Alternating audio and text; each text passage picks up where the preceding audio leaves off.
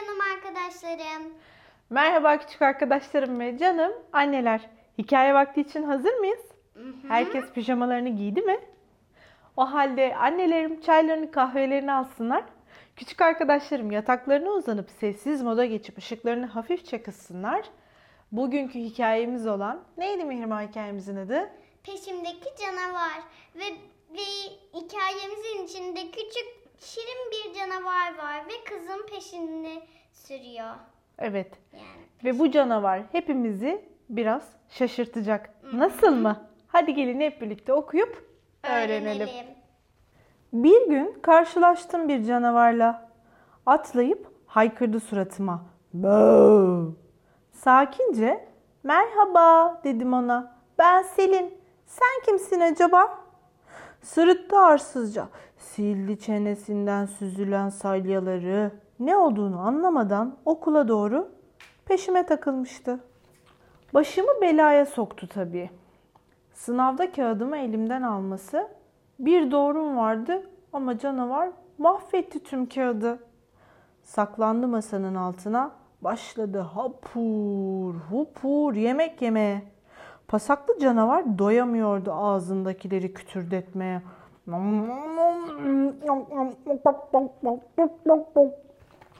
Öğleden sonra artık gerçekten canıma tak etmişti.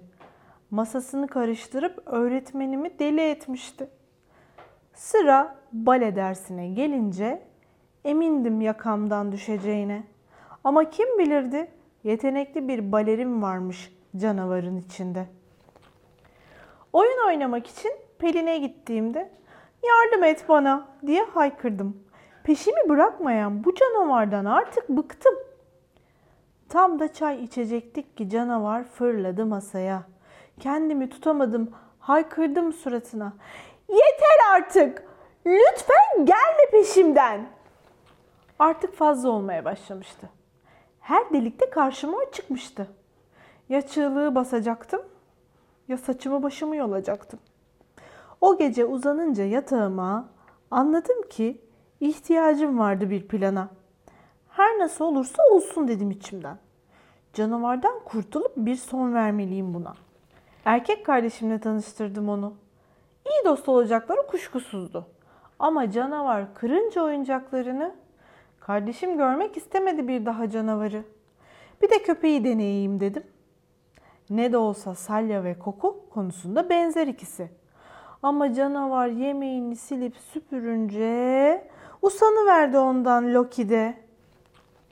Bu felaketlerin ardından canavar sadece peşimden gelmekle yetinmedi. Vurdu ayaklarını yere ve sürükledi yerde ellerini. Pis kokan şeyleri fırlattı her yere. Delikler açtı yollara.